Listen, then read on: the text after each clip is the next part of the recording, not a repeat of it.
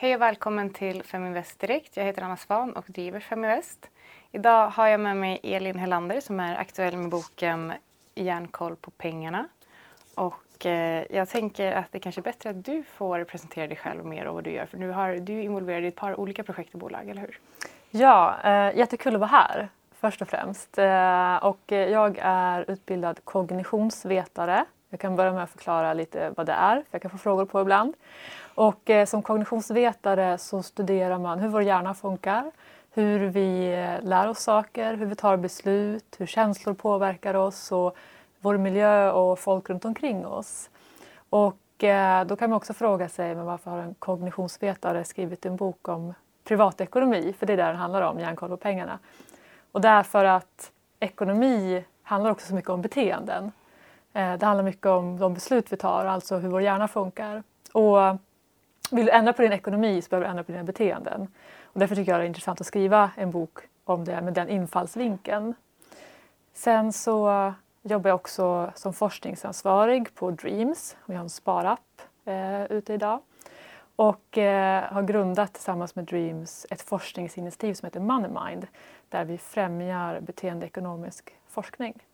Så det, Det är eh, vad du gör och eh, Dreams ska det precis på samma sätt sin, eh, som din bok hjälper folk få koll på sina pengar. Men precis, så där tar vi, alltså boken handlar om, där kan man lära sig om olika strategier man kan ta till för att samarbeta med sin hjärna för att nå de pengamål man också satt upp. Och Dreams är det exemplifierat i en sparapp som har tagit in den kunskapen från beteendeekonomi eh, för att puffa dig i rätt riktning eh, att nå dina sparmål. Ja, för det finns lite, lite olika sätt att spara den här appen. Det finns eh, lite olika funktioner. Ja. Eh, Den kan till exempel eh, sno pengar, för det finns en funktion som heter tjuven, eller hur? Ja. Hur funkar den? Alltså, så man sätter upp först sitt sparmål och då specificerar man sin dröm. Så här, vad drömmer du om att göra i framtiden? Och redan där så kan man fråga sig varför, varför heter vi Dreams? Varför pratar vi om drömmar? Eh, och det gör vi för att sparande handlar egentligen om så här, vad vill jag göra med mina pengar? Vad vill jag göra i framtiden? Och för att veta det så behöver man skapa framtida minnen. Eh, alltså minnen av, av framtiden och det är just drömmar för det har inte skett än. Så då börjar man där och specificerar vad det är man vill och då hur mycket pengar behöver man och när behöver man de här pengarna. Och eh, gör målet väldigt, väldigt konkret. Och sen finns det olika sätt att spara på och tjuven är någonting som vi kallar en trigger. Eh, och den, sätter man på den så tar den, eh, nu, just nu är det allt från 0 till 200 kronor i veckan.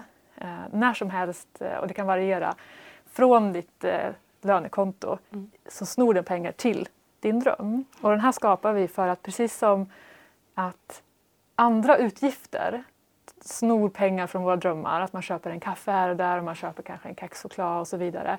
Det tar ju egentligen pengar från din dröm. Så är det vi tvärtom, att vi vill sno pengar från ditt Kaffe, Kon- konsumtionsbeteende. Precis, Ja. till din dröm. Och förvånansvärt så har den här blivit otroligt, otroligt eh, uppskattad, eh, den här triggern, vilket är kul att se. Ja, verkligen. Eh, och den här boken då, Järnkoll på pengarna, handlar om privatekonomi. Ja, precis. Så att den, eh, alltså det är en bok som jag själv hade velat läst eh, för ett par år sedan. Där jag tycker att det saknas det perspektivet när man tar in just beteendeperspektivet. Så att kunskap är jättebra att ha och det behöver man. Man behöver förstå skillnaden mellan olika fonder och man bra att känna till vad ISK är eller en kapitalförsäkring och så vidare. Men kunskap per automatik leder inte till en beteendeförändring och det är för många människor som idag har tillräckligt med kunskap men de utnyttjar det inte, alltså de får inte till de rätta beteendena. De sätter upp kanske och ska spara men de, man blir för impulsiv och man avviker från sin sparplan. Och glappet är för stort idag mellan vad man vill göra och vad man faktiskt beter sig. För alla människor vill spara pengar och de flesta vill ha en bättre ekonomi. Men ändå så beter man sig som man alltid har gjort förut och, och lyckas inte ändra på vanor och så. Eh, och det beror på flera psykologiska faktorer som jag tar upp i boken och förklarar och sen ger jag tips på enkla strategier hur man då kan samarbeta med sin hjärna för att nå sina mål på ett lättare sätt. Men hur stor påverkan har egentligen vårt undermedvetna på till exempel vårt beteende och då i termer av sparande? Jättemycket. Det, är ju, och det tror jag många känner igen sig i att, att det känns nästan som att man är två olika personer. Att man, man har fina avsikter, att jag ska inte eh, shoppa något mer den här veckan, eller jag ska ju si eller så. Men så blir det ändå inte så. Och det här gäller inte bara ekonomi och pengar utan det gäller många andra aspekter av livet. Eh, träning och hälsa är också ett sådant exempel. Eh, där man kanske sätter upp, jag ska ut och träna så här många gånger i veckan. Jag ska ut och springa ikväll och sen när det väl blir dags så ligger man ändå kvar i soffan och så tänker man jag tar det imorgon istället eller jag tar det till helgen då är mer pigg. Mm. Nyårslöften också ett sådant exempel eh, som många sätter upp och sen så är det lite svårare att fullfölja dem. Eh, och det har ju inte bara att göra med eh, vad ska man säga, dålig karaktär utan det har att göra med att har man tillgång kanske till rätt strategier eller inte? Har man tillgång till att sätta upp mål på rätt sätt? För hjärnan är ju ganska lat vet jag att du brukar säga. Ja. Eh, och eh, du brukar skilja på sitt nuvarande jag och sitt framtida jag och därför drömmar är eh, framtidens minnen. ja. Eh, vill du berätta lite mer om det? Ja, men jättegärna. Och eh, det var ju en av frågorna som vi fick in också inför det här avsnittet. Att, eh, om jag börjar med, med den så var det men varför har vissa svårt att spara och andra har lättare? Och det beror på framförallt två anledningar. Och en är, som forskning visar, att känner du dig mer sammankopplad, alltså emotionellt sammankopplad med ditt framtida jag, så sparar du också mer pengar. Och vissa människor har mycket lättare att känna empati för sig själv i framtiden. Alltså, ja, men om ett år så kommer jag eh, förmodligen vilja göra det här, eller om fem år eller tio år. Eh, och det betyder att jag idag måste ta de här besluten. Medan andra människor är liksom mer avskärmade. Mm. Och tänker de på sig själv i framtiden så är det nästan som att tänka på en främmande människa. Och då får man också mindre empati för sitt framtida jag och då blir man mer benägen att ta beslut som är bra här och nu men på bekostnad av sig själv i framtiden. Det är lite som att eh, äta en lussebulle nu fast man vet att det inte är riktigt, riktigt bra för det framtida jaget. Ja, men precis. Exakt så. Och, eh, så det är en sak eh, som gör att vissa har svårare att spara än andra. Och då kan man också fråga sig, men vad kan han göra för att, okej okay, om jag inte känner mig så sammankopplad med framtiden, är det kört. Och så är det inte. Utan det finns eh, räddning. Och förutom då att läsa boken eller ta hjälp till exempel av, av Dreams så kan man också eh, öka sin empati genom att sätta upp väldigt konkreta sparmål. Alltså drömma om framtiden, att ta, ge sig den tiden att hur vill jag att mitt liv ska se ut om ett år eller fem år. Vad gör jag på fritiden? Vad, vad jobbar jag med? Hur ser min vardag ut? Eh, och ju mer detaljerat man tänker på det, ju mer verkligt blir det för hjärnan att det här kommer en dag att hända. Och det är precis det man behöver göra, alltså göra det verkligt för hjärnan och känna att okej, okay, det här kommer också bli verklighet en dag. Men det här låter väldigt mycket som eh, när eh, stora entreprenörer pratar om att man ska visualisera. Ja, Eh, Och att man då eh, undermedvetet arbetar mot att ta sig till, mot det målet. Och precis på samma sätt så kan det då vara med sitt sparande. men precis så. Och det är därför om man kollar i Dreams-appen så får man lägga in en bild på sin dröm, man får namnge den och så. Det är ju för att du Man ska ska påmind om det. Ja, du ska bli påminna om det och det ska bli så emotionellt som möjligt. Du kan också skriva ner men varför är det här viktigt för mig? Och koppla på så mycket känslor som möjligt. Och sen den andra, en annan anledning till att vissa har lättare att spara än andra har att göra med vad man har med sig för ärvda pengabeteenden från sin bakgrund. Till exempel familjen man har vuxit upp i. Hur pratades det om pengar hemma? Var det någonting man pratade om eller någonting som man inte alls skulle prata om det för det blir bara bråk? Är aktier någonting som är farligt? Eh, buffert någonting som är en självklarhet att man ska ha eller har inte det varit så viktigt? Sådana saker påverkar också en själv och inte bara ens föräldrar utan också vad man har för människor runt omkring sig och eh, vad de har för normer. Är det normalt att eh, handla spontanshoppa en väska för 15 000 då blir det också mer normalt för mig till slut. Och eh, det här kan man utnyttja då till sin fördel eh, genom att omge sig med människor som ha de beteenden som man faktiskt eftersträvar. Och där är ju ekonomistagruppen ett jättebra exempel på det. Där du inte bara liksom fysiskt behöver omge dig med människor som har de pengabeteenden du vill ha utan du kan göra det via sociala medier. Att följa människor som inspireras av dig, gå med i sådana här grupper där de här ämnena diskuteras och lära sig och bli påmind om det här ämnet. Mm, och det är ju jättesmart, för jag, vi pratade om det innan vi började spela in, att jag skriver en bok om nätverkande och att en del av den här boken handlar om att man ska omge sig av personer för att man, man brukar säga att man är ett resultat av de personerna som finns i ens närhet. Precis. Och precis så gäller det med sparande också. Så att om, om jag känner att jag inte sparar tillräckligt mycket pengar och att jag kanske har ett för stort konsumtionsbeteende. Då kanske det är en bra idé att titta mig omkring. Hur ser, hur ser mina vänner på pengar? Och så inser jag att ah, nej, men de tycker till exempel att det är helt normalt att gå och spontanköpa en väska för 15 000. Och då kommer mitt beteende troligtvis inte ändras för att det är så normaliserat för mig. Ja, Och då kanske man får ta ett beslut för hur, hur man ska lägga om relationer och vad man ska göra istället. precis. Blanda upp det med andra typer av normer som ett exempel. Och jag tror att många skulle ha nytta av att tänka på det här lite mer ofta. Det gäller också många delar i livet. Alltså tillåter jag mig själv bara att av slumpen, de som råkar ploppa upp i min närhet och finnas eh, fysiskt nära mig, får de komma mig in på livet och veta allt och ha åsikter om allt jag gör? Eller har jag någon slags integritet eller, eller ska man säga, och- ja, men förmåga att skärma av och, och bestämma själv. Eh, och jag tror att det är viktigt att vara med, alltså ta medvetna beslut om vilka man pratar med och här också vilka man tar råd ifrån. Att eh, Tar du råd ifrån folk som lever det liv som du vill leva eller tar du råd ifrån folk som... Alltså jag tycker att man ska bara ta råd ifrån folk som faktiskt har bevisat att de själva har lyckats med det som man pratar om. Det måste finnas någon form av berättigande. Och jag Ja. håller verkligen med. Det är precis på samma sätt som eh, om man ska prata om finansiell rådgivning. Nu är det lite svårt att säga för att många, de får ju of- ofta betalt i form av provision.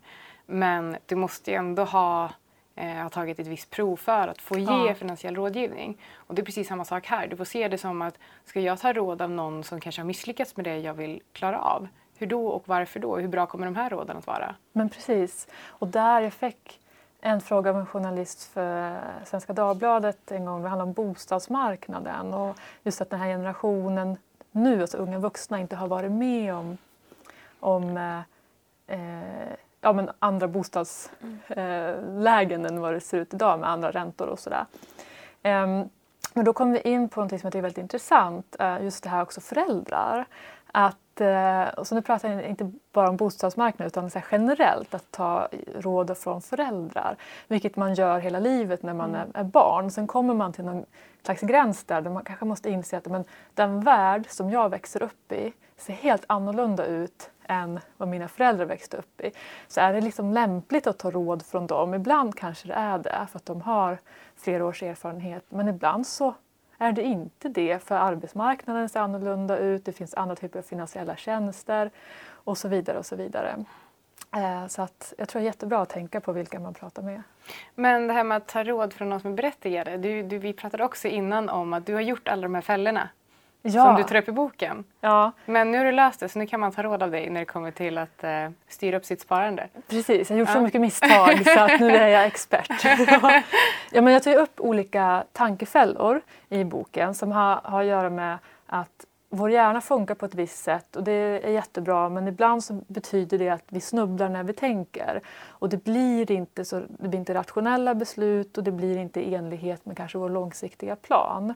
Och då ger jag exempel på sådana så klassiska tankefällor som drabbar alla oavsett eh, ålder, utbildningsnivå och så vidare.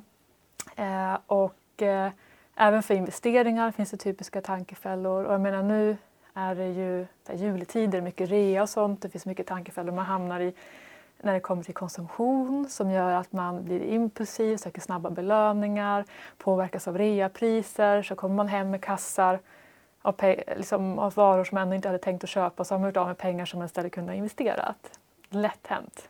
Och det har hänt mig definitivt.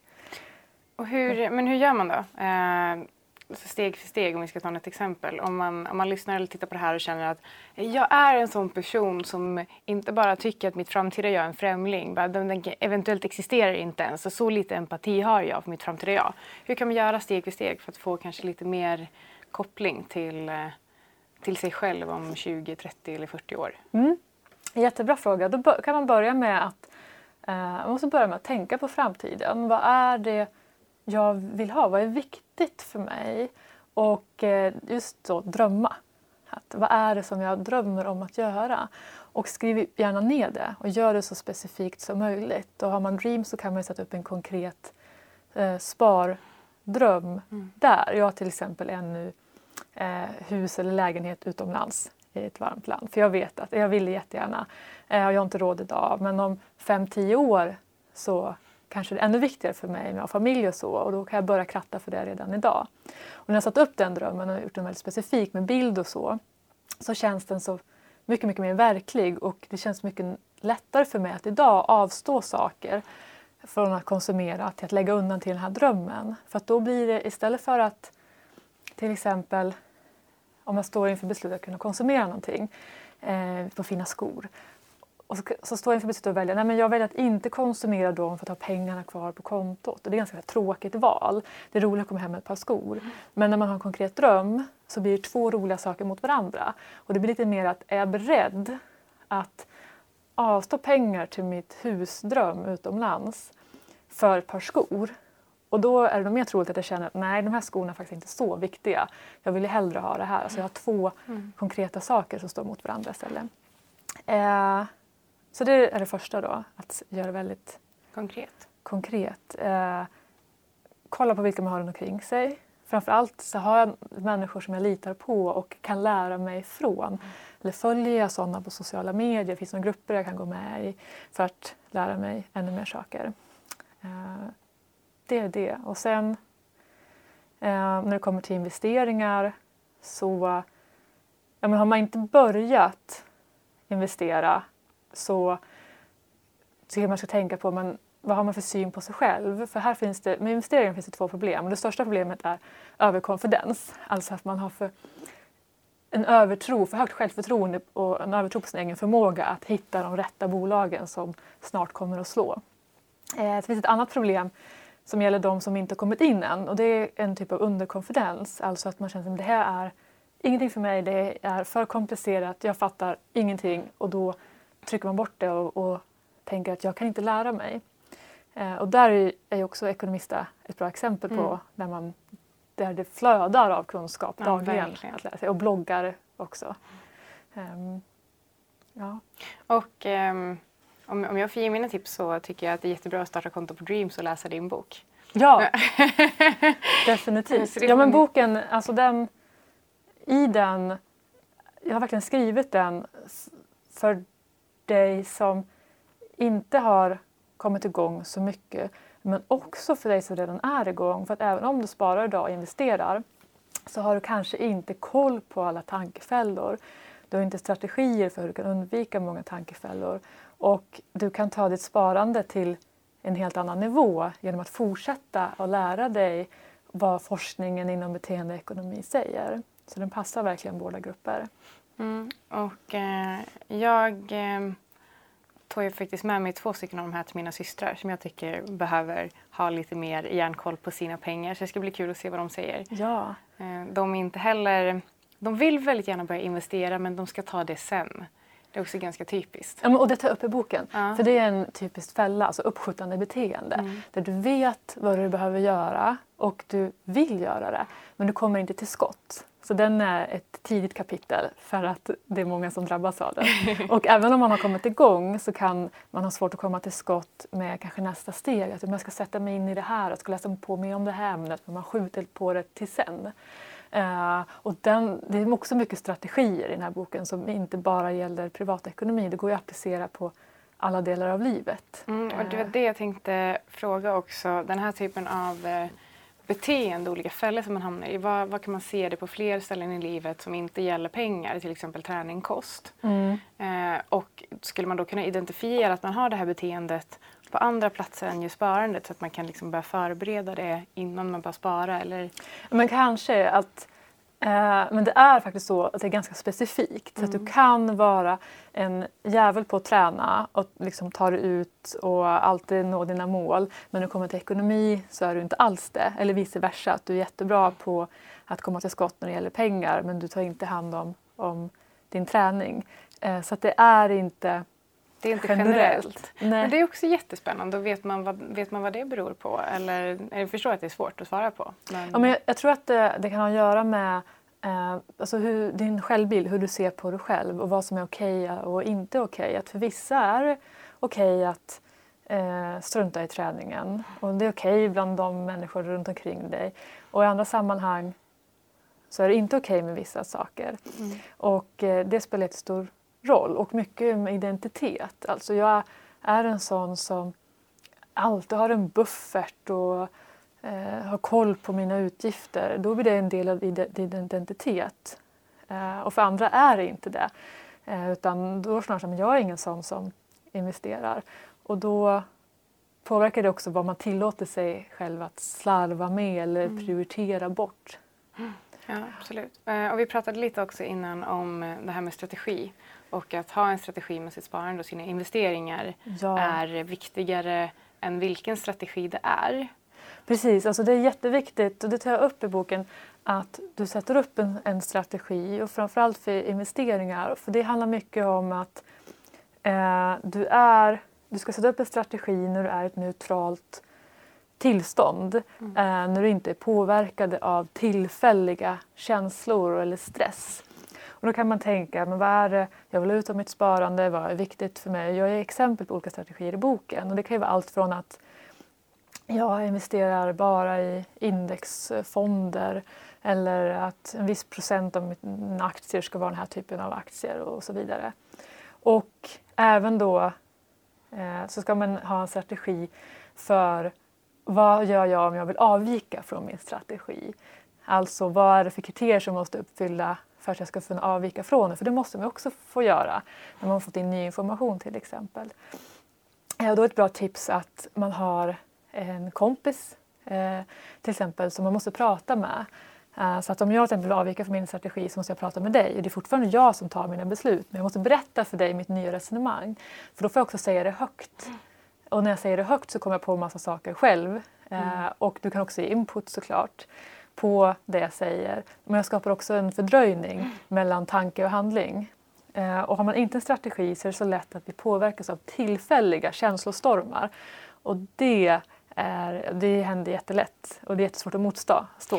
Men det, det kan jag också säga med, eh, alltså när det kommer till investeringar. Jag tror att det absolut bästa för mig med att ha en blogg, det jag skriver om vad jag gör, Ja. är att varje gång jag ska köpa eller sälja någonting så tänker jag Känner jag att jag kan skriva om det på bloggen? Och, Ja, och är svaret nej, då känns det inte som att det är en bra idé eller att jag har tillräckligt starka argument för, för köpet eller säljet. Så Det är en det- jättebra ja, eh, strategi. så det, ja, så det tror jag kan vara ett tips för de som ska börja investera. Starta, ha en investeringsdagbok till exempel, en, Ja. eller en investeringsblogg. Alla behöver inte läsa den och du behöver inte ge den till alla. Men känner du att du kan punkta ner i text eller, eller förklara för någon och argumentera för ditt beslut, då kan det vara ett välvalt beslut. Och känner du att nej, jag vill inte eller jag kan inte, då kanske du behöver omvärdera det beslutet. Ja, precis. Eh, och vi pratade också innan, om, eh, innan vi började spela om, in om hur det kommer sig att många har surdegar i portföljen. Ja, Och att det beror på att eh, vi har en tendens att sälja bra bolag och köpa mer i de dåliga. Vill du berätta vad, vad är det om? Ja, så forskning visar, om man kollar på hur människor beter sig och då ser man eh, också vad de har gjort för misstag. Man kan kolla på da- data och så kan man men vad borde folk ha gjort? Vad hade varit bättre att göra? Och det man ser är att folk tenderar att sälja av bra bolag för tidigt. Eh, för att man tänker att det är lätt att man tänker men nu har det gått upp ett Mm. tag. Då kommer det alltså gå ner sen. Stanna av. Eh, Det låter jättelågt. ja. Det är en vanlig känsla Ja. att få. Efter regn kommer solsken och efter solsken kommer regn. Mm. Liksom. Och då vill man plocka hem vinsten, liksom säkra den. Och sen har man de här bolagen som har inte gått så bra, gått ner. Och då är det lätt att folk tänker Ja men nu har det gått dåligt ett tag så att snart vänder det. Man väntar på den här att det ska vända. Och det som det resulterar i då, att man får en portfölj, om man liksom följer den här tankefällan fullt ut, är att du har en portfölj där du har sålt av dina bra bolag och du kvar sitter med bolag som inte går så bra. Och då kan man fråga sig att varför går de inte så bra och finns, vad finns det för indikatorer på att de kommer gå bättre i framtiden utöver deras historiska data om att de inte har gått så bra. Eh, och eh, där då för en del människor så behöver man snabbare sälja av dem som det inte går så bra för Mm. och längre behålla de bolag som faktiskt presterar bra. Precis, man ska, så att om argumentet för att sälja ett bolag är det har ju gått så bra, är det enda argument du har så kanske du inte ska sälja det här bolaget. Precis. Eh. Och äh, är argumentet... Och det finns också en typ av annan rädsla då man har bolag som inte har gått så bra länge. Då är det också väldigt jobbigt att sälja av dem för att när du säljer av dem det är då du tar förlusten. Mm. Och så länge du har kvar dem så finns det en möjlighet till en, en vinst, en uppgång. Och det finns också en möjlighet eller en risk till ännu mer förlust Ja såklart. men precis, men det, man vill inte ta man vill inte känna att man hade, att man hade gjort fel. Precis. Mm. Och acceptera den här förlusten. Och det skulle ju svida så otroligt mycket att ha följt med ett bolag ett tag, du säljer av det och sen vänder det. Mm. Och den rädslan, alltså man tänker sig snart vänder det, snart Mm. vänder det. Och då är man så rädd för att missa det för då skulle man ju ångra sig innerligt. Mm. eh, att man ju tog det här beslutet. Och då är det lättare för många att sitta kvar Ja. i bolaget. Ja. Och sälja av de bra bolagen för att snitta ner sig i de dåliga. Ja. Det, är, det är ingen bra cirkel. Alltså. Nej, Men det är vanligt. Nej, absolut. Ja. Eh, men slutligen, om jag vill ha järnkoll på mina pengar och få råd med mina drömmar, vad är dina absolut bästa tips för att lura hjärnan? Mitt bästa tips för att lura hjärnan är att hjärnan gillar snabba belöningar. Den är designad för att söka efter belöning, att må bra här och nu. Och så har den funkat i flera tusen år och kommer fortsätta funka så framöver. Och sparande handlar ju just om att skjuta på belöningar till sen, till framtiden. Att avstå idag konsumtion för att ge det till mitt framtida jag. Och ehm, det är då ganska svårt. Eh, Men då kan man ju samarbeta med sin hjärna om man vet om att den gillar snabba kickar. Att till exempel sätta upp väldigt tydliga delmål på sitt sparande där man belönar sig själv på vägen. Och det behöver inte vara ett monetärt belönande att man unnar sig en resa eller eh, lyxigt restaurangbesök. Det kan vara vad som helst. Att jag unnar mig tid, att nu ska jag göra det här som är min favoritsyssla eller vad det nu kan vara. Eh, för det är ett sätt att samarbeta med sin hjärna istället för att streta emot den. Och sen så skulle det väl vara att läsa boken, Mm. följa mig på sociala medier. Och var hittar man dig där? Man hittar mig på Twitter, då heter jag eh, Elin Helander. Och på Instagram elin.helander. Jag tror det är så, det kan vara tvärtom. Mm. Men elin.helander, ja. Ja, och har du en, ehm, har du en blogg också? Ja, jag skriver ju också en webbsida, elinhelander.se och där uppdaterar jag emellanåt. Och framförallt så uppdaterar jag ja, men när, jag, när jag gör någonting, När du gör någonting. skriver någonting. Ja. Precis, men vad bra. Jag eh, lägger ut länkar till de här i, under avsnittet också så hittar folk dig. Tack för att du kom Toppen. hit. Tusen tack för att jag fick komma.